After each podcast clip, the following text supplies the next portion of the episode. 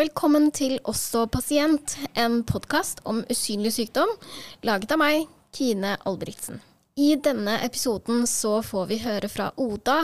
Oda snakker om høyt stoffskifte og sjøgrens. Vi snakker mye om det å være usynlig syk, det å mobilisere energi. Vi tar opp skjeteorien igjen, og vi snakker mye om hvordan det er å ha en kvinnesykdom, og en sykdom som eldre mennesker ofte får. Mens Oda hun var bare 15 da hun begynte å vise symptomer på høyt stoffskifte.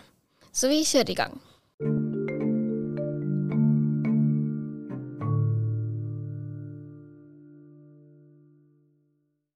Da er vi klar for en ny episode av Også pasient. Og ukas eh, gjest er eh, Oda. Velkommen. Takk. Og vi skal snakke om to ting i dag. Vi skal snakke om sjøgrens og høyt stoffskifte. Mm. Men først så kan vi jo plassere deg litt. Eh, alder, hvor i landet bor du? Litt sånne kjappe ja. fakta. Ja, Oda. Jeg bor i Oslo, kommer fra Porsgrunn, så jeg har dialekt som kan komme ut. Spesielt hvis jeg blir irritert. Så beklager på, på forhånd. den er ikke så pen, den grenlandsdialekta mi. Eh, 30, jobber i staten, har kjæreste, to katter, ny leilighet jeg holder på å fikse, utdanna i psykologi. Så er den bakgrunnen. Spennende. Kort om meg. Ikke sant? Um, så er det jo liksom to ulike lidelser vi skal ta for oss, både sjøgrens og høyt stoffskifte. Mm. Uh, hvilken av de var det du liksom ble kjent med først? Det var høyt stoffskifte, eller Graves sykdom, som det heter på fagspråk. Men høyt stoffskifte er jo alt kjent. Man ser jo hele tida spesielt om lavt stoffskifte. Så høyt stoffskifte er lettere å si enn Graves. Og når begynte det? De første symptomene som jeg husker, det var når jeg var 15. Um, da sleit jeg mye med Først, det som kom, var egentlig det at jeg sleit med søvn. Jeg fikk ikke sove, jeg hadde insomnia, og tenkte at ja, ja, jeg er en av de. Og det var ikke sånn at jeg ikke sov eller sov lite. Det var jeg var lys våken med masse energi. Så jeg gikk på skolen og sånn uten å sove på flere dager. ja, og du var liksom ikke plaga av det, på en måte? Altså, jeg var jo sliten, men hvis jeg lå meg ned, så begynte, var det akkurat som tusen maur i kroppen. Sånn hvis man har uh, restless legs, så kjenner man følelsen i beina. Den hadde jeg i hele kroppen, og spesielt i hodet. Ja, jeg har restless legs, så det er helt utrolig irriterende. Ja, Så hver gang jeg lå meg ned for å, fordi jeg var jo sliten, så bare begynte den. Så det var lettere å være våken. Og så begynte jeg å tape vekt, sakte, men sikkert, mens jeg ble mer og mer sulten, som naturligvis ikke henger på greip. Og så kom etter hvert mageproblemene som Altså med lavt stoffskifte så er det ofte alt går tregt, med høyt stoffskifte så går alt veldig fort. Eh, og ho mye hodepine, sånne ting, så det var veldig diffust og veldig tenåringshormonelt, var det jeg blei fortalt når jeg gikk til legen. For jeg gikk jo til legen når jeg begynte spesielt det med magen, for når man er ung og mageproblemer kommer, så har man ikke lyst til å leve sånn akkurat. liksom løpe etter å finne doer og sånn. Eh, men nei, det, de kunne ikke se noe. De tok noen blodprøver. Eh, men jeg, de tenkte kanskje det kunne være vitaminnivå. Vi bor i Norge. Alt var fint. Eh, fortsetter inn i videregående. Da jeg var 16, så døde bestemora mi veldig plutselig. Så når jeg da begynte å bli mer sliten på det punktet, så klarte jeg å sovne igjen, men da ville jeg jo nesten bare sove. Gikk fremdeles ned i vekt, var generelt veldig enkel på følelser og det å gråte og sånne ting. Så da var det nei, du er bare deppa fordi bestemora di er død. Og det her bare fortsetter og fortsetter. Jeg mister menstruasjonen, jeg går ned i vekt. Altså jeg, skal, jeg skal ikke si tall, for det kan være ikke positivt for noen. Men uh, usunt for min høyde, da. Ingenting. Uh, går til legen flere ganger, får beskjed om at du har sikkert et virus. Jeg hadde kyssesyken. Og ja. Eh, og det holdt på da i tre år.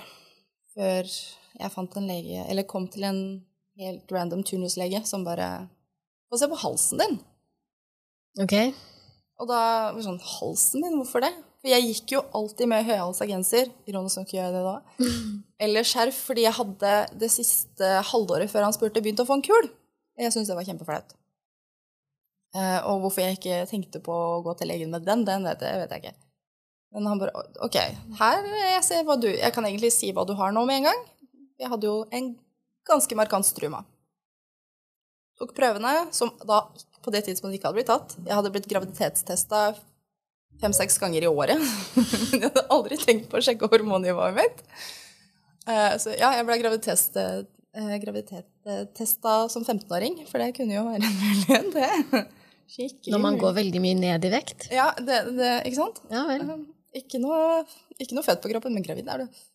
Eh, og da kom de prøvene tilbake sånn jeg tok, Heldigvis er det ganske raske prøver, da. Så jeg tok prøvene på en tirsdag. Mandag, man, sent mandag eller tidlig tirsdag. En av de to. Onsdag så ringer han mamma, fordi han har ikke nummeret mitt, på, selv om jeg er 18. Og får bare en telefon av mamma du skal til legen, og du skal til legen nå. Og da får jeg beskjed om at stoffskiftet mitt er så høyt at de vil helst ha meg lagt inn, fordi nå har de begynt å spise der det kan spise.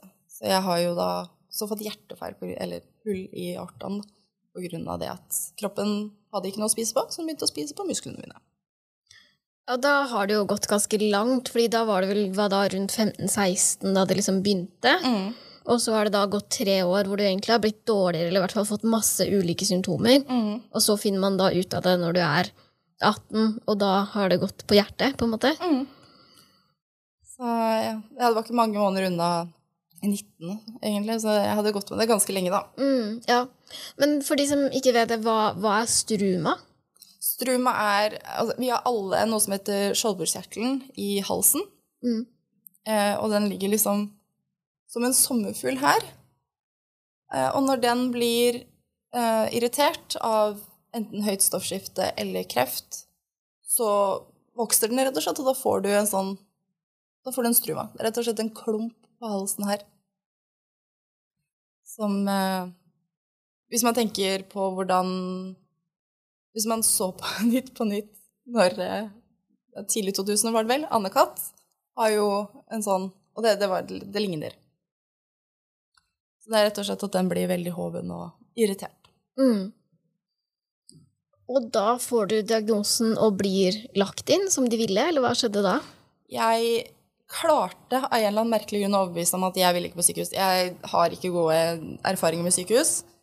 Um, ikke fordi jeg har vært så veldig mye på det, men fordi familiemedlemmer har vært på det jeg bare ikke likte. Så jeg klarte å liksom grine meg til det, og da var det sånn greit. Hvis ikke, bedre, hvis ikke du viser noen form for bedring på blodprøver om et par uker, så er det rett inn. Så da var det heavy medisinering, det høyeste dosa vi kunne få til. Eh, hjertemedisin, for jeg hadde jo altså En av de symptomene som er også veldig irriterende, er jo at du har så hjertebank. Uansett hva du gjør. Altså, du sover med makspuls. Så for å få ned det, da, og heldigvis så hjalp det jo. Og det at jeg ble jo sykemeldt fra alt som var, og bare beskjed om at du, nå er du rolig.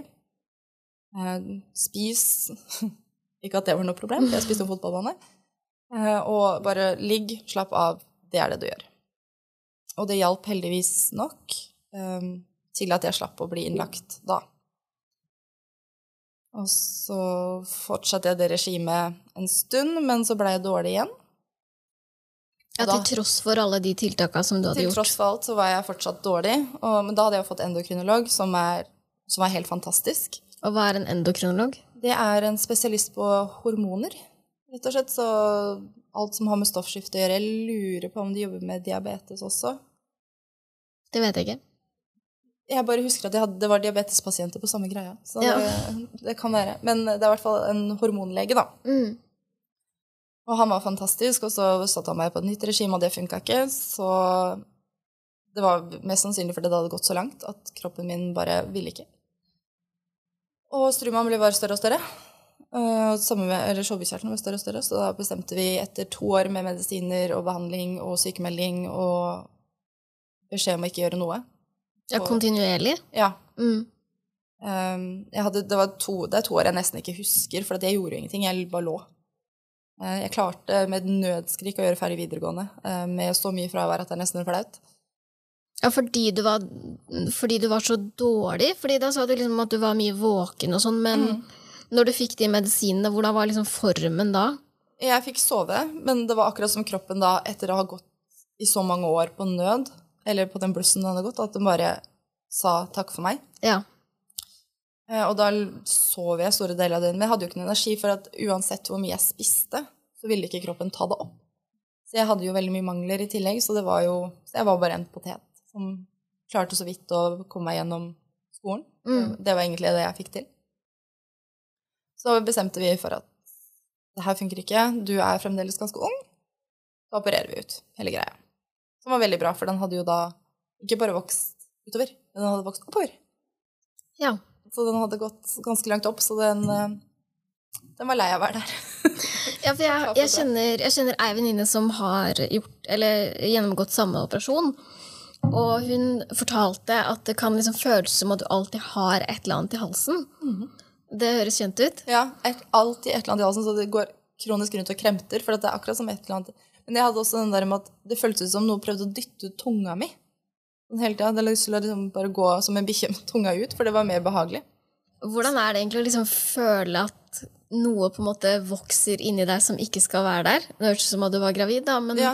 men på en måte Det kjennes jo, da. Jeg føler at Ja. mange sånn mangler og sånn er sånn Ja, du er sliten, men Ja. du vet ikke. Men det var noe fysisk, på en Ja, måte. det, det, altså Til slutt så ble jeg jo nesten vant til det, men det er den der følelsen av ikke få svelge ordentlig, ikke få puste ordentlig. den der, jeg tenker sånn, Hvis du er veldig tørr i halsen, så har du den der Det var sånn hele tida. Det må ha vært så irriterende for de som satt i klasserommet med meg. Herregud.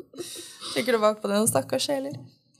Men ja, det, så det er irriterende, og det Jeg har jo Altså Jeg kjenner jo det kanskje mer selv, men jeg kjenner det at før og etter at stemmen min er jo helt annerledes. Og Ja. jeg blir veldig fort sliten i stemmebånd. Eh, Som da er fordi den var så stor at den bare komprimerte alt. Ikke sant? Ja, tenk på det. Ja, det, det er så merkelig. Altså, den lille tingen her, som for de fleste er normal, den var bare sånn Ja, men, men eh, hvordan ble det liksom etter operasjonen? Er det sånn, Blir det da med en gang bedre, eller hvordan går det? Eh, Da etter operasjonen så er det jo ny medisinering. Da er det jo Da skal du ha Eller da har du jo ikke noe stoffskifte, så da må du sette det i gang kunstig med medisiner. Så det du gjør der, er å starte på en hestekur for å få det i gang, og det ingen fortalte meg for operasjonen, er at du har jo Det blir veldig medisinsk, men paratyrodeene som ligger på siden, det er de som kontrollerer kalsium. Mm. Og de er jo borte i de når de opererer den ut. Så første dagen etter operasjon så var jeg bare Når det er lite kalsium, så går det inn i spasmer. så jeg satt liksom som en spasm av sånn krølla ting. Så masse vitaminer, masse kalsium, magnesium, alt det der, medisiner. Og så forventer de en bedring innen åtte uker på sånn OK-nivå. Men det, det de fortalte meg, var at vi gir sånn ca. et år før du vil merke noe ordentlig effekt. Og det tok vel ca. et år før jeg begynte å føle meg OK igjen. Det gjorde det nok.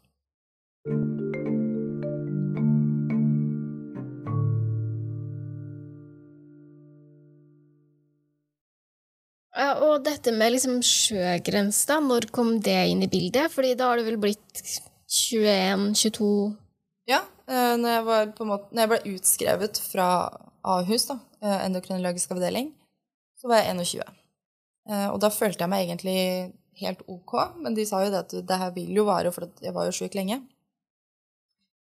Så går det noen år På grunn av alt det som skjedde med, med alt, så fikk jeg jo også psykiske problemer. Eh, og begynte å kjenne rundt sånn 23 at nå er det et eller annet. Men hadde jo også de her ganske ferske traumene. Så jeg, til, jeg begynte å gå til psykiater, som gikk veldig bra, men det var jo ikke noe bedring. Og da var det jo også sånn Jeg lurer på om det kan være noe mer. Og hun var jo lege. Så ok, da går jeg tilbake til fastlegen. Og på det punktet så har jeg fått en ny, helt fantastisk fastlege.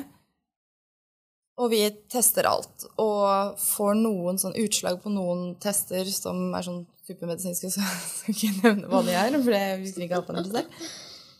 Eh, Og blir da sendt til revmatologisk avdeling så, og begynner å teste det der. Og tester hele tida borderline. Har fortsatt egentlig veldig like symptomer. Veldig sliten, eh, men også Ja, å teste borderline vil si at de, de vet ikke helt. måte. altså, du, jeg, testa positivt på noe, men negativt på noe annet. Og så er det liksom sånn Jeg var kanskje to poeng over her, to poeng under her. Så borderline, som man sier i medisinen. Uh, og da Og jeg hadde jo symptomer. Jeg begynte å bli mer sliten. Jeg kjente Altså sliten på en annen måte. Med høyt stoffskifte så var det sånn akkurat som kroppen hadde gått på nødbluss, og så endelig kunne slappe av. Mens nå var det mer den, de med kronisk utmattelse, så kjenner den igjen med den uansett hva du gjør. Bare det å reise seg for å gå på do er sånn åh, må jeg? Så den var ny. Og samtidig det her med å være veldig kald. Jeg begynte å hovne så mye i ledd. Eh, mageproblemene ble jo bare verre. Eh, begynte med hårtap. Eh, veldig, veldig knekkete ledd. Altså bare sånne småting som Men han fastlegen tok det jo på alvor, og revmatologisk bare Du har jo en tidligere autoimmun sykdom, fordi autoimmune sykdommer kommer sjelden alene, fikk jeg vite. Og Sjøgrens er revmatologisk, men autoimmun. Kroppen angriper jo seg selv. Og kom inn, tar tester. Ok, kom tilbake om et år. Kommer tilbake om et år. Ok, der, ja. Der kom utslaget. Ok, ja. Der, nå ser vi hvilken vei det går. Så der har jo vært fantastisk hjelp hele veien. Um, men gradvis verre, for det, det problemet er jo det at det er jo ikke noe medisiner du egentlig kan gi. Du kan gi kortison, du kan gi noen for lavdose cellegift, men det er egentlig bare tyggis, drops, for det, det, tørker ut alt av slimhinner. Det er jo det det går på, slimhinnene i kroppen. Så de fleste tenker sånn ah, det tørre øyne og tørr munn, uff, det klarer du, liksom. Men sånn, mm, når de sier alt, så mener de alt. altså, du har større sjanse for å få magesår. Hvis du blir gravid, så kan livmora revne. det er ganske omfattende sånn sett. Så jeg har fått god oppfølging, men det er ingenting de kan gjøre. Så hvert år så har jeg dårligere prøver, hvert år så er jeg dårligere. Eh, og sånn vil det bare fortsette til jeg er såpass dårlig at de kan begynne å medisinere til et punkt hvor jeg blir ok, da. Det tørker ut eh, alt, men, men jeg, ut fra hva jeg har forstått, da, så er jo det i seg selv faktisk litt mer irriterende enn man tror. For jeg òg tenker litt sånn ja, ja, du er tørr i munnen, drikk litt vann, liksom. Mm. Eller blunk, så går det bra, på en måte. Mm. Men det er ikke helt sånn. Nei, og det, det, det, hjelper jo selvfølgelig å drikke vann og sånn, men det er Du har rett og slett ikke nok spytt eller nok tåreproduksjon. Og det gjør jo da Å spise kan være kjempevanskelig. Fordi spytt er jo der det starter. Mm. Så jeg kan ikke spise kjeks uten å ha noe å drikke. For det setter seg fast, og da setter du i halsen, og så hoster du en halv evighet, som er kjempegøy. Så Og det Ja, du kan ta øyedråper, men så sitter du f.eks. sånn som i det rommet her, da, hvor det er kunstig luft. Og det er jo sånn der det tørker ut med en gang. Så vinteren er kjempegøy med kunstig oppvarming overalt. Mm. så det er ikke bare bare, men det er jo Du tar øyedråper, du tar en tyggis, du tar drops. Det, det hjelper jo. Men det setter jo ikke i gang produksjonen. Nei, så når du blir liksom eldre, da, og det har gått mer tid, og du blir dårligere, mm. så er det eh, på en måte smertelindring mer, mm. da, som det går på. Ja, det Fordi hvor, hva vil liksom mm, cellegift eller kortison gjøre med akkurat slimhinnene, på en måte? Ja, nei, det blir jo da hvis man har mye leddsmerter. Ja, sånn, ja. Mm. Ikke sant? Ja, fordi det er liksom to, to ulike symptomer, da, på en måte, at uh, den smertelindringa behandler jo leddsmerter og sånn. Mm. Men spyttproduksjon vil aldri klare å sette i gang. Så det eneste positive som kommer ut av det, sånn sett, er jo tannlegeregninga. For den blir gratis? Nei, det blir 50 okay, Så ja. Jeg trakk en visdomstann for uh, fire dager siden. Mm, og du klarer å snakke? Ja, det gikk veldig fint, faktisk. Oh. Ja, Det var uh, nummer tre i rekka, og det var en oppe, og det skal ja. visst være bedre, da. Ja, for jeg har bare operert ut den nede. Ja. Og da var det sånn Alt gjør vondt. Ja, jeg var veldig uh, stressa, egentlig, fordi forrige gang så trakk jeg en nede, men fikk infeksjon. Eh, og det var altså så vondt. Å, oh, det tror jeg på. Infeksjon i munnen er noe av det verste som skjer. Ja, Så jeg kjenner det enda, men eh, det går, det går overraskende bra. Nå kan jeg, jeg har spist rundstykke til frokost. Utrolig at det gikk an. Det er bra. Det er bra.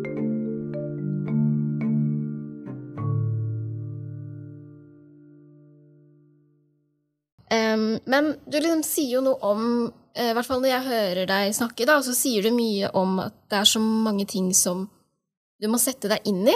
For det er jo liksom utrolig komplisert hvordan ting henger sammen, og hvorfor du fikk eh, høyt stoffskifte og sjøgrens, og så er det eh, liksom uvanlig for unge å få det. Altså, Hvordan har det vært? liksom? At det er alle de her tinga som du må sette deg inn i? da? Vanskelig. Altså, én ting, fordi i hvert fall ved sjøgrensen så kan du jo oppleve ganske mye brain fog. Det gjør jeg. Men det er, det er så mye, og det er så mye medisinsk ord. Og, og så er det jo den der med at det er ikke vanlige unge. Eh, høyt stoffskifte kommer som regel etter du har gått gravid, fordi hormonene i kroppen er litt out of whack uansett. Så da Og det var det jo ikke da, de var, da du var 15, da, som Nei. du sjekka en million ganger. Nei, jeg, jeg var ikke det noen av de gangene de sjekka. Yes. Eh, og det samme med sjøgrens. Det er sånn oftest enten så er det du er eldre når du får det, eller det er sekundært. Eh, for det er visstnok hvis du har en annen revmatologisk Eller hvis du har f.eks. lupus, da. Så kan sjøgrens følge med lupusen, og da er det sekundær. Men for min del er det primær. Ikke at det har noe å si på noe som helst annet enn i legeverden. Nei, men det betyr jo at du har liksom fått en sykdom, og ikke, det er ikke liksom et resultat av en annen sykdom. Nei, rett og slett. Mm. Eh, At den står alene. Eh, Og det, ja, det er mye å sette seg inn i. Altså, jeg var jo 18 eh, når jeg fikk høyt stoffskifte og fikk beskjed om å gjøre akkurat den 18-åringen ikke vil, som er ligge hjemme og bli bedre. Jeg skulle jo ha russetid og alt det, og det blei jo ingenting av. Istedenfor så sitter jeg med endokrinologer som tar opp saken min på møtene sine fordi at de syntes det var såpass ille at de måtte ta det opp med andre endokri- endokrinologer. Og prøver å lære om hvordan kroppen henger sammen hormonelt, hva som påvirker hva. Jeg fikk jo beskjed da jeg var 18 at det kan hende jeg aldri kan få barn. Og som 18-åring så tenker du jo aldri på barn, men det ble som en realitet for min del. at shit, må jeg begynne å tenke på det allerede. Mm. Um, og det samme med, med sjøgrens, som er Litteraturen er så dårlig for en pasient. Um, hvis du søker på nettet, så får du opp eh, den klassiske. ikke sant? Du blir tørr i munnen, du får tørre øyne. Noen kan oppleve litt magebesvær. Noen kan få litt vondt i leddene. Heldigvis så har de gjort det litt lettere nå med at i neste um, ICD-10, altså den lege... Eller den diagnoseboka, Mm. så har de subkategorisert det enda mer. Sånn at det jeg tror det er 15 subkategorier eller noe. Så endelig så kommer det mer sånn, men det hjelper jo ikke meg som pasient. Hva er kriteriene, hva vil det si, hva vil det si for behandling? Og det er jo ingenting om behandling i det hele tatt. Du får beskjed om å ikke legge på deg for mye, ikke bli for tynn. Tren, men ikke tren det. Spis, men ikke spis det. Altså, så det er sånn derre unnskyld meg, bullshit-råd som går igjen og igjen på spesielt kvinnesykdommer. For det er jo kvinner, primært kvinner som får det. Da er det jo ikke forskning uansett. Uh, og det, så ja, det har vært mye å sette seg inn i. Det har vært mye å sette seg inn i en ung alder. Um, hele mitt, altså alle 20-åra mine var jo sykdom. Og lære sykdom. Og jeg har fortsatt ingen idé om hva som kommer. Fordi legene, Jo eldre du blir, jo mer begynner jo legene å snakke voksent. Men det hjelper jo ikke meg som ikke er helsepersonell sånn, Nei. at de snakker voksent. Nei, for vet du nå hva liksom eh, Ja, vet du nå hva du har i vente? Ingenting. Eh, Det er vanskelig for legene å si også. men Det er, for det er jo sånn, det er jo veldig betinga på hvordan du lever. Selvfølgelig også. Men kan det bli verre og verre, eller kan det stabilisere seg og holde seg sånn som det er nå, da, hvor jeg opplever at det er liksom mer stabilt? Det jeg har fått beskjed om, er for min sak, da, det er jo veldig individuelt, er at mine prøver er dårligere år etter år, og jeg har mer symptomer år etter år. Ja. Så for min del så ser det ikke veldig lyst ut, og jeg har også begynt å teste, teste positivt på prøvene for artritt. Så det, det virker som det sprer seg istedenfor. Ja, så derfor er jeg Jeg tar tilbake alt jeg sa om at det var stabilt. Ja, nei, men altså, akkurat i dag så er jeg stabil for i år. Ja. Jeg vet ikke hvordan det blir. Men altså, for meg så er det jo såpass holdt jeg på å si, vanlig nå um, at uh, nå, nå er jeg veldig heldig igjen med at nå har jeg et veldig godt team. Uh, hvor jeg har direktenummeret, så jeg kan ringe hver gang det er nye symptomer. Men hver gang jeg kommer Jeg gjør jo aldri det. ikke sant? Jeg er jo en god, god pasient. Mm. Vil jo aldri klage. Så hver gang jeg kommer til Sara «Eh, Hvorfor har du ikke sagt ifra om det symptomet? jeg, Ja. Kan du ikke si ifra, liksom? Så ja, vi vet at det går nedover, eh, men hvor fort det går, har mye med livet, hvordan jeg lever og, eller velger å leve. Men det det har lært meg, da, sånn alt oppi all den læringa og sånne ting, er det at ok, det ser ut som det her kommer til å bli smertefullt. Det ser ut som det ikke kommer til å gå bra om Altså I all sannsynlighet vil jeg ikke ha et fullt yrkesliv. Da gjør jeg akkurat det jeg har lyst til nå. For det er ikke sikkert jeg får til det om 20-30 år. Mm. Så sånn sett så greit nok. Har du blitt flinkere til å ta, liksom, ta sjanser. Absolutt. Altså, jeg blei jo robba for 20-åra mine, sånn sett. Og det var jo Altså, det man gjør i 20-åra, er jo som regel å flytte ut eh, og ja, Jeg har vært heldig. Jeg har jo hatt mulighet til Eller den stabile perioden min så bodde jeg jo i et annet land. Um, og fikk oppleve litt, men så var det jo tilbake til å være pasient og syk, og også psykisk syk pga. alt det her. Så jeg har jo bare vært pasient, så nå er jeg liksom Jeg prøver å ta igjen 20-åra. Det høres veldig fælt ut, men jeg prøver å ta igjen 20-åra. Og Nei, men det handler vel på en måte også litt om å ha en slags identitet som ikke bare er syk, da. Ja, for at den identiteten får du jo veldig fort. Spesielt når du har en journal som er ganske tjukk. Mm. Eh, Når du har en somatisk og psykisk eh, journal, så er det ofte den at du blir sett på som en pasient. Altså, jeg er pasient, men jeg er også bare 30, og gjør veldig mye annet enn å være det. Uh, ja, jeg må kanskje til hjertelege og uh, revmatolog og alle sånne ting, og ta masse prøver og masse medisiner, men Ja, fordi det er jo, det er jo liksom det i stor grad eh, podkasten springer ut fra, da, er jo at vi har mange ulike roller, men at vi er også pasient. Derav navnet, da. ja, ja. Um, fordi at jeg syns jo det er liksom litt viktig, fordi jeg også kan kjenne på det at kanskje i noen situasjoner eller med noen folk hvor jeg har vært veldig mye pasient, så blir jeg på en måte nesten bare pasient. Og så er det sånn, Men jeg er så mye mer, da, og jeg liksom kan mer. Jeg er en person, liksom. Jeg er ikke bare noen som har en sykdom, på en måte. Ja, men det er det, og du blir så fort dømt som det også, fordi så når du lever med en sykdom, og spesielt usynlig sykdom, så man får jo alltid høre den der, men du ser jo ikke syk ut. Oh, ok, whatever. Takk for komplimentet, I don't know. Så, og hvis du har da klart å beholde mennesker i livet ditt, for det er ikke alltid mennesker blir, fordi du sier nei eller ikke kan, så er det jo alltid litt den derre Du ser de ser på deg to ganger hvis du sier ja til å være med på ting, men den derre ah, 'Kanskje det ikke skjer', eller mm, 'Orker du det, da?' Mm. Man får liksom alltid den der greia hengende over hodet som er sånn derre 'Husk at hun er syk'. Mm.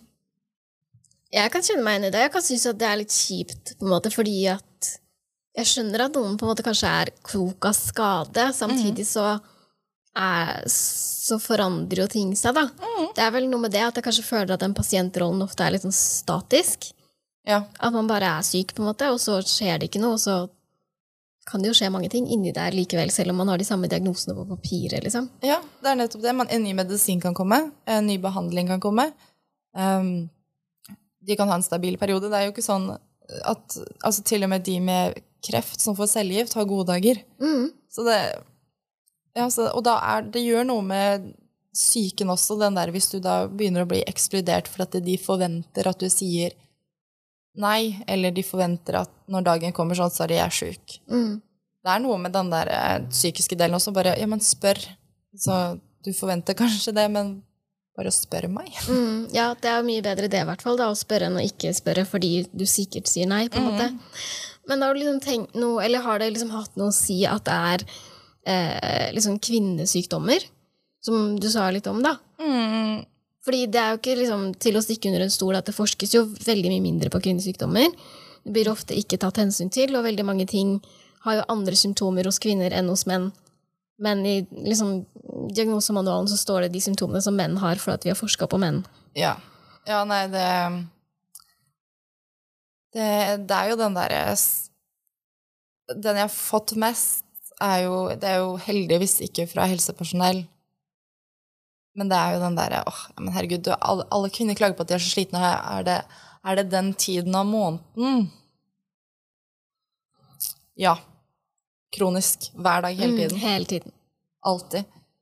Men det er den derre tilgjeng... Det, det verste er jo den tilgjengeligheten til informasjon Mm. på sykdommer som er forska mer på fordi det omhandler flere menn, så er det mye mer informasjon, mye mer pasientsikker informasjon. Og det er det jo ikke på det her. Altså, bare det Nå, nå vet jeg jo at det er lettere for leger å ta den der hormonprøva. Men når jeg ble sjuk, så var jo ikke det noe de gjorde. For det var jo ikke normalt at en ung kvinne ble syk av det. Og igjen, det er jo en kvinnesykdom, og så var det høyt og ikke lavt. Så jeg fikk jo høre Ok, Det var faktisk av helsepersonell. Jeg burde jo være glad for at jeg kunne holde meg i så form. Sånn, jeg sakte, men sikkert dør foran øynene dine, men åh, jeg er nå i hvert fall tynn. Ja, det er sånn, det har begynt å spise på hjertet ditt, liksom. Men ja. husk på at du er jo tynn. Ja, og det, og det, det er sånn der, og alt det som er ut av det, er jo ikke bare den derre du, du ser i hvert fall bra ut, men det er sånn mm, Jeg føler meg crap. Og så man kan ikke være sunn hvis man er over en viss vekt heller. Altså det, ikke sant? Fettfobien er jo der i tillegg. Mm. Den, den husker jeg spesielt godt. Eller jeg kan jo bare kose meg ekstra mye med masse smoothier og sånne ting hvis jeg vil legge på meg. Jeg kan, jeg kan ikke. altså det, det er ikke det jeg spør om. Mens en mann ville kanskje ikke fått samme beskjeden. Der hadde de vel kalt inn kriseteam for pjusk mann. Ja, det vil jeg jo kanskje tro. Og liksom med min erfaring med spiseforstyrrelser i bagasjen, så er det jo bare provoserende, på en måte, fordi det blir ikke sånn eh, Å være tynn er ikke meninga med livet, liksom. Og det blir jo litt sånn Jeg vet ikke, kanskje et liksom magert forsøk på å se lyst på det. Ja. No pun intended. Men likevel, det blir jo liksom spare det, på en måte. Ja, det, det er ikke positivt i det hele tatt, og spesielt ikke når du kommer til et punkt hvor du da sitter der foran en mann bare 'Jeg mista menstruasjonen min', og du ser i hvert fall tynn ut. Jo da, det reproduktive er i shit, men eh, guri land, så heldig jeg er. Ja, Så, nei. nei. Men det, det er nok det som er det største problemet, det med informasjon. Det, og det er jo ikke forska nok på. Det er jo, altså, Sjøgrens ble jo oppdaga for gudene vet hvor mange år siden, og først nå, i 2022, så kommer subkategoriene. Mm. Ja, vi får da håpe at ICD-11 kommer eh, på banen. Den har jo eksistert i hva da, sju år eller noe sånt nå. Ja, Men vi kan ikke implementere den i Norge. nei. Men jeg jeg håper det kommer nå. Ja, det er lov å håpe at det, det kanskje Skjer noe. Ja, det er lov å håpe. Men hva har liksom vært det mest utfordrende, på en måte? Det, har, altså det å være ung med det, med en gammel sykdom Som jeg, jeg tenkte tilbake på venterommet første gang jeg var der. Jeg kom inn som 3-24, og så sitter det bare eldre kvinner der. Og ok! jeg, nå skjønner jeg litt hva de mener med eldre kvinnesykdom. Jeg følte at du ikke passa inn, på en måte. Nei, rett og slett ikke, men også den derre når, når legen snakka til meg første gang før de liksom åpna øynene andre gang og bare Ok, det sitter en ung kvinne foran meg, så var det sånn nesten, nesten dumma ned. Ja. Og enkelt forklart, og, men ikke godt nok forklart. Og sånn. Fordi eldre vil jo ofte bare få hjelp til smertene sine. Jeg vet ikke om det er mine fordommer, da. Eh, I så fall så er det jo bare å beklage. Men jeg føler at man kanskje gjør litt mindre eh, når veldig gamle mennesker blir syke. Eh, Mm. det er litt fordi at det handler jo om liksom, livsperspektiv og eh, liksom økonomisk eh, Hvor mye det er på en måte verdt, da. Kost-nytte. Ja, eh, hele det opplegget der. Så jeg vet ikke om de er liksom ikke så veldig vant til å ta så tak heller. Fordi at du var så ung da, plutselig. Det kan absolutt være. Eh, Det er faktisk noe jeg ikke har tenkt på, men det kan, kan absolutt være sant, fordi de er vant til eldre og vant til ikke liksom Ja, Det haster ikke så mye, det er ikke så farlig. De har kanskje vondt andre steder i tillegg, eller har andre ting som er mer sant. Ja, prekært. jeg ser jo at den personen der har hatt kreft og gått gjennom cellegift. Det er ikke rart å ha vondt. Nei. Eh, Og så kommer det en ganske ung Eller en person som ser relativt frisk ut, da. Mm. Men det, og det er jo det verste, er det at du ser jo frisk ut. Mm. Det er jo Ja, Har det vært en belastning i seg selv? det er kanskje en av de største belastningene. Når du Spesielt når jeg blir nær nye mennesker. Jeg, det er ikke sånn at jeg liksom med en gang jeg møter noen Hei, Tor jeg er sjuk. Men når jeg, blir nær, når jeg kommer nærme andre mennesker, så forteller jeg jo selvfølgelig det at eh, hei, jeg kan si ja til ting, men kanskje ikke fordi jeg er kronisk syk. Og det er spesielt. altså Datingverden med det der er jo en helt annen ting. som omtrent burde ta opp i en egen episode i seg selv. Men det er den der Ja, men du ser jo ikke syk ut. Mm. Sånn, nei, jeg vet det ikke. Altså, jeg skulle gjerne Mer enn en gang så jeg tenkt skal jeg bare tegne på kroppen min hvordan det føles ut å være meg i dag. Mm. For det er jo ikke uten grunn at for det, Jeg har hørt den der Du er så flink til å stå opp tidlig og sånn. Det er ikke uten grunn. Det er fordi jeg må knekke meg opp, og alt må være klart. Mm. Så den, der, det, den usynligheten, den er kanskje verst. Og det spesielt når du da begynner i en jobb, og jeg er jo veldig åpen, så jeg har jo forklart alle arbeidsgivere hvordan det er. Og det blir sånn Det ser jo ikke sånn ut. Altså, du får nesten den derre Prøver du bare å få en gode for en gode, ikke fordi du trenger den? Omtrent sånn at du må levere legeerklæring for å få parkeringsplass, når du egentlig bare skal trenge å si 'jeg trenger en parkeringsplass'. Mm. Det, det er kanskje det vanskeligste, det, men også det å forklare det. For de fleste har jo ikke hørt om altså de fleste har hørt om høyt stoffskifte pga. lavt stoffskifte, Mm. men veldig få har hørt om sjøgrens. Mm. Og når de da har hørt om det, så er det som tørre øyne og tørr munn. Og sånn, ja ja, så ta en pastill eller dreppe øynene dine. Jo, jeg gjør det flere ganger daglig. Men eh, det, det går utover litt mer enn det. Mm. Jeg tror det jeg har tenkt mye på um, i det siste, egentlig, handler om mobilisering. At eh, jeg bruker utrolig mye energi på å bare gjøre meg klar, liksom. Eh, som du sier, da, at du må liksom eh, knekke opp og liksom komme i gang og sikkert få varmen i kroppen og sånn. Og så er det sånn, ok, kanskje du må stå opp liksom en viss tid tidligere for å gjøre det, for å rekke jobb. Og så må du liksom sikkert tilrettelegge noen andre ting, og at det tar veldig mye sånn energi som man ikke ser, da. Fordi at folk sier jo ofte til meg at ja, men du gjør jo så mange ting, du gjør jo så mange ting. Og så sånn, ja, men du ser jo ikke hvor sliten jeg er, eller hvor mye energi jeg bruker på å mobilisere til å få det til, på en måte.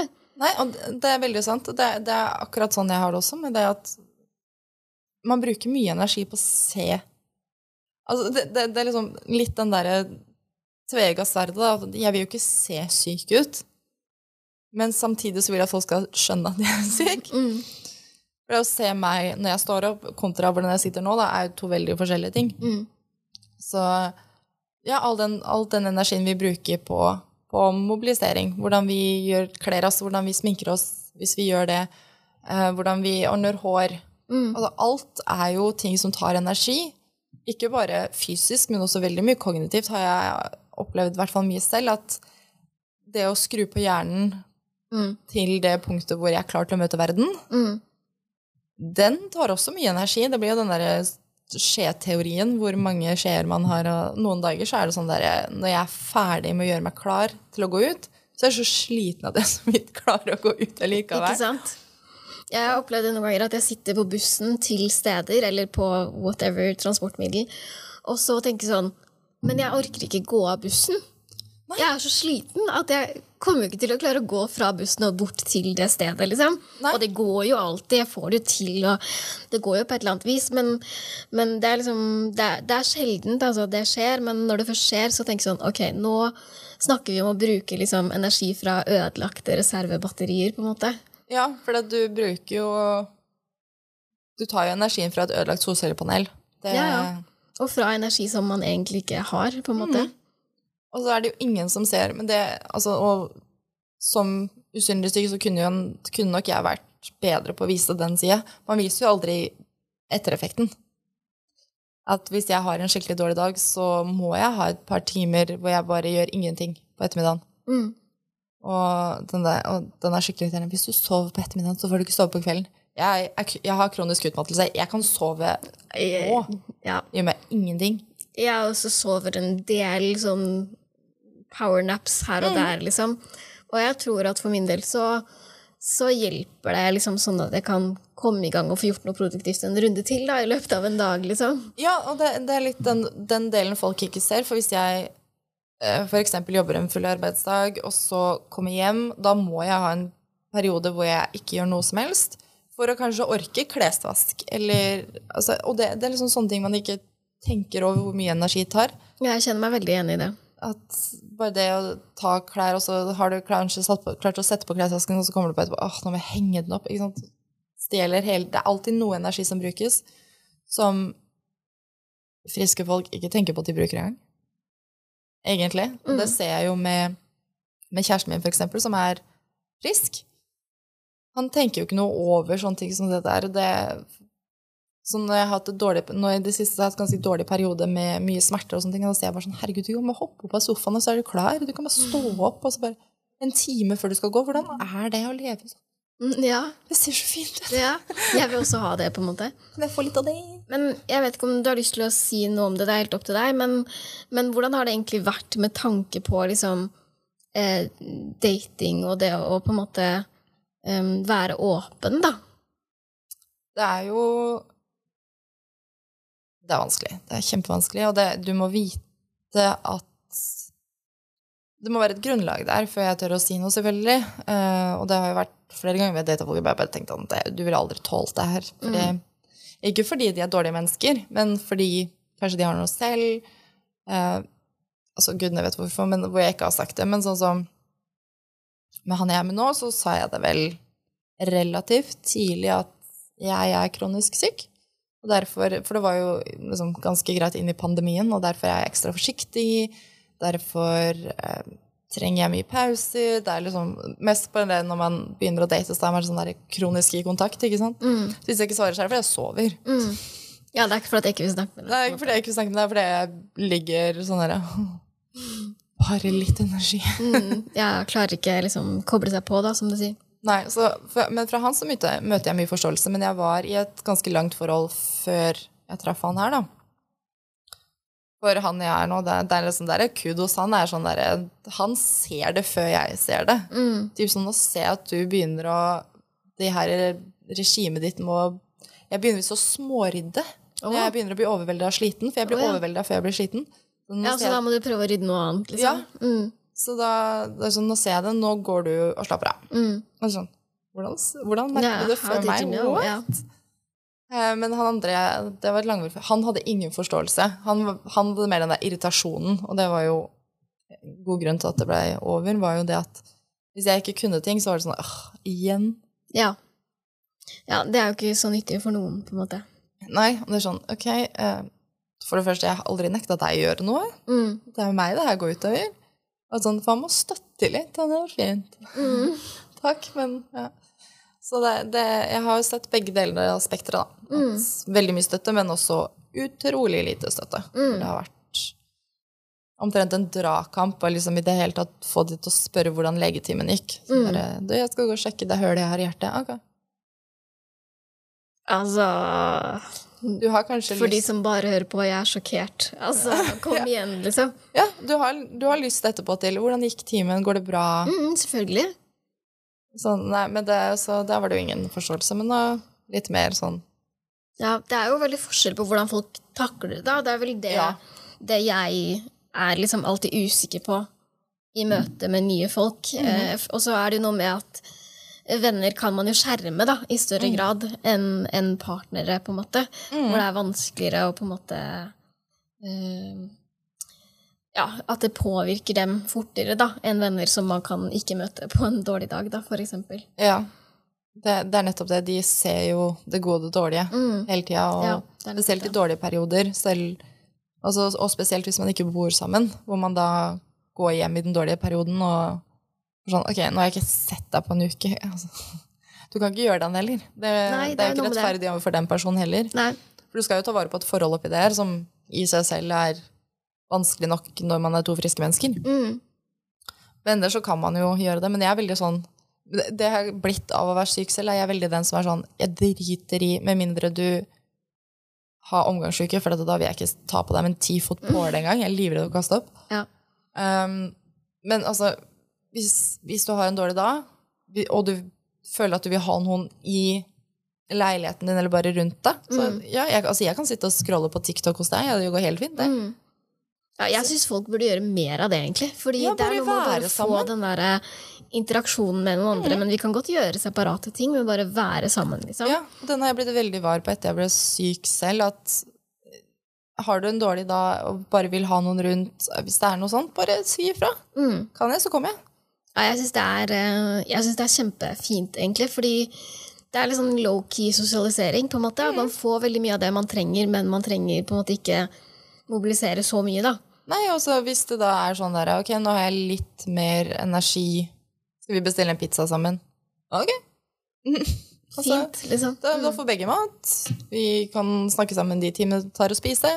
Og så kan vi gå tilbake til det vi gjør. Men det er bare den men det, jeg tror det for veldig mange så er det det å vite det at du har den personen eller de personene som tør å se deg på det styggeste òg, da. Mm. For det er jo ikke alltid pent hvis man har mye smerter, eller hvis man er kanskje mest Eller spesielt så er det jo skjerming når man er psykisk syk. Mm. At det, det er ikke da man har lyst til å se folk, men å ha den personen eller de personene som man tør å være, det befrir jo en del for seg selv også. Absolutt. Jeg føler at det er i hvert fall mange av de som, som kommer i podkasten også, som sier noe om at det er så viktig å bli tålt, da. Eh, og at liksom, en sånn relasjon kan være nyttig i den forbindelse, på en måte. Ja. Eh, fordi at man må se at ok, jeg trenger ikke skamme meg over å bare være meg, det er faktisk noen her som, som tåler det, på en måte. Ja, altså i dag får du meg som jeg er, med mine ting, og håret opp og i onepiece, og du tåler det. Mm. For jeg tror alle Det er kanskje en litt sånn bold statement, da, men jeg tror i hvert fall de fleste kronisk syke har på et eller annet tidspunkt vist sitt stygge seg. Så, ikke at det er noe stygt med det, Nei, nei. men til noen og fått en negativ tilbakemelding, og derfor skjuler man det enda mer. Mm. Jeg har definitivt fått en 'hvorfor sminker du deg ikke mer'? Hvorfor steller du deg ikke ordentlig? Hvorfor? Det er sånn, jeg har ikke energi til å vaske håret. Er du klar over hvor mye tid og ork det er å vaske et krøllete hår? Mm. Nei. Så det, jeg, orker ikke. Altså, liksom, jeg har jo fått eh, en En gang jeg var på butikken der hvor jeg har vokst opp, da, som er et lite sted, så kom det via en kompis av pappa som hadde sett meg på butikken og hadde spurt om det gikk bra med meg fordi at jeg ikke hadde på meg sminke og ikke kjole. Jeg går veldig ofte i kjole. Ja, Og så er det sånn Hallo, kan vi ikke være glad for at jeg gikk ut, og ikke fordi at Ja, ikke jeg ikke hadde på meg kjole? liksom. Kom igjen, på en måte. ja, det er nettopp det. Altså, jeg var ute. Jeg klarte å komme meg ut døra. Mm. Yay meg. Ja, det, det er bedre, liksom. For hvis jeg da skulle sminka meg og ordna meg, og så gått ut, da hadde jeg ikke gått ut. Nettopp. Det hadde ikke vært Akkurat da, så det var liksom ikke så Det var ikke at det var veldig dårlig heller, på en måte, men, Nei, men eh, det, ja, sånn er det, da. Jeg tror det er liksom noe med å bli sett utafor liksom, komfortsonen, eller det, det vante, da. Jeg føler Mhm. at liksom Jeg i hvert fall har en slags kjennemerke som er liksom å ha eyeliner og ofte kjole, da. Da det Mhm. liksom sånn Da har jeg fiksa meg, på en måte, og da funker det. ja. Så det er jo noe med å liksom ja, vise folk noe annet enn enn det også, på en måte. ja.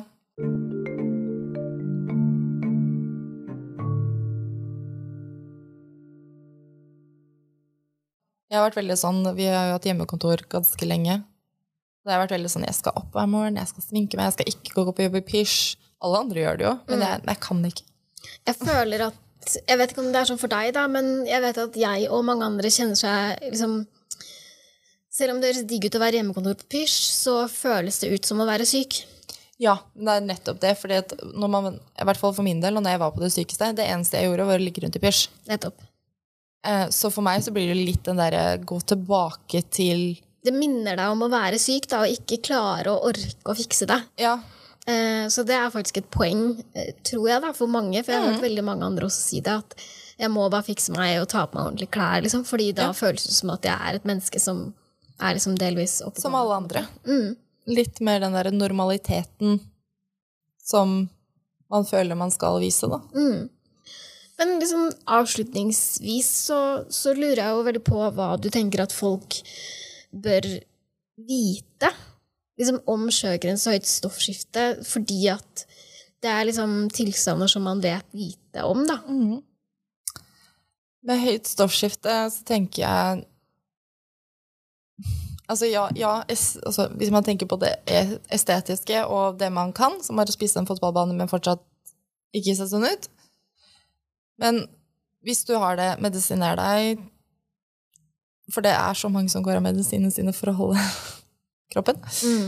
Um, og hvis du mistenker at du har det, se på symptomer. Altså, du, du kan lett google symptomene, si at du trenger en hormonsjekk. Det er liksom sånn PSA, for det er flere som har det, som ikke vet det. Og det kan, som hørt, spise på organer. Men det er det at selv om man har 110 i puls og masse energi, så kan du fremdeles være ganske sliten. Og det har effekter som man kanskje ikke nødvendigvis ser. Sånn, ja, det ser gøy ut å kunne spise alt og være tynn og ha masse energi, men det går på bekostning av alt annet. Visste du at Eller hadde du liksom noe forhold til at du hadde begynt å spise på hjertet før du fikk vite det? Ingenting. Jeg visste bare at jeg var mye andpusten og sånn. Ja. Det, det, var det. Men så har jeg hatt barneastma, ikke sant? så da tenkte jeg bare ja. det er bare den som vender litt tilbake. Men nei. nei. Ikke sant. Ja, for de som, som som kan kjenne seg igjen i det der med å ikke ta medisiner for å holde vekta, mm. eh, så vil jeg jo også anbefale den episoden om eh, diabetes med Kristine, ja. som snakker om at hun har gjort mye av det samme, mm. da, for det er også ganske vanlig i spiseforstyrrelsesverden eh, ja. og mm. behandling at folk, eh, folk, misbruker på en måte det at de har diabetes. Da. Ja, og det det er en sånn annen ting som her, hvis du ikke har høyt eller lavt stoffskifte eller ingen stoffskifte, ikke ta Levaksin fordi du vil bli tynn. Det er så mange som gjør det. Ja. Og spesielt i fitnessverden. Bare ikke gjør det, for det, det, det går på organene dine. Ja, og, det, og selv om det høres relativt ufarlig ut med høyt stoffskifte, og du Noen tenker liksom ja, alt det positive som får med, du kan dø av det. Mm. Enkelt og greit. Det er en reell sykdom som oftest går utover kvinner ofte etter graviditet, men kan nå alle aldre. Eh, til og med barn kan få det. Så ja, det er, en, det er en sykdom av en grunn. Det er kronisk sykdom av en grunn. Så det, du ser det positive, de følger det negative. Og med sjøgrønt er det den der med Det er ikke bare tøyne, tørre øyne og munn. Det er en del av det, men det er så mye mer. Og hvis noen forteller at de har sjøgrens, og at de er slitne, at de har vondt. Det er en del av sykdomsbildet. Og er ikke, de er ikke late. De prøver ikke å late som de har en sykdom som er verre enn det er. Det er en grunn til at det kommer sånn 15 subkategorier nå. Det er helt grusomt. Det er livsvarig. Det er med begge to. Høyt stoffskifte kan du komme i remisjon på, som sjeldent varer.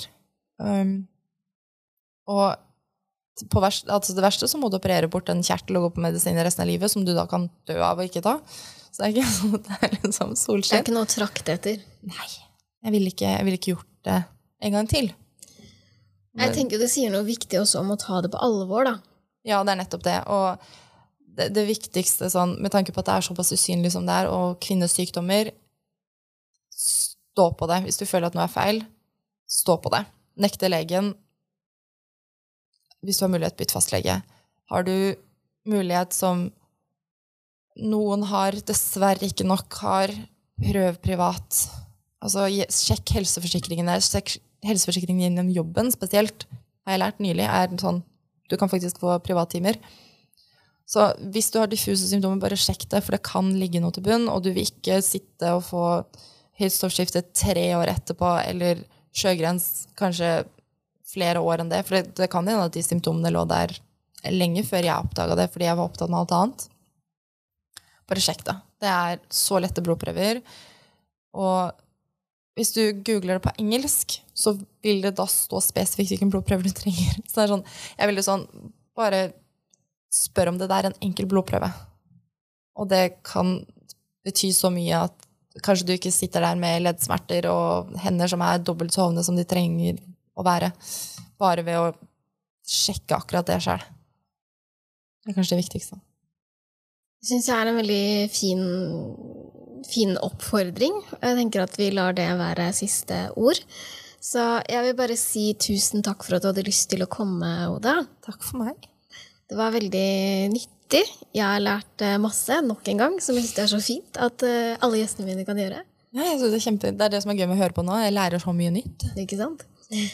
Så tusen, tusen takk. Eh, og da er det bare én ting igjen å si, og det er ha det bra. Ha det bra.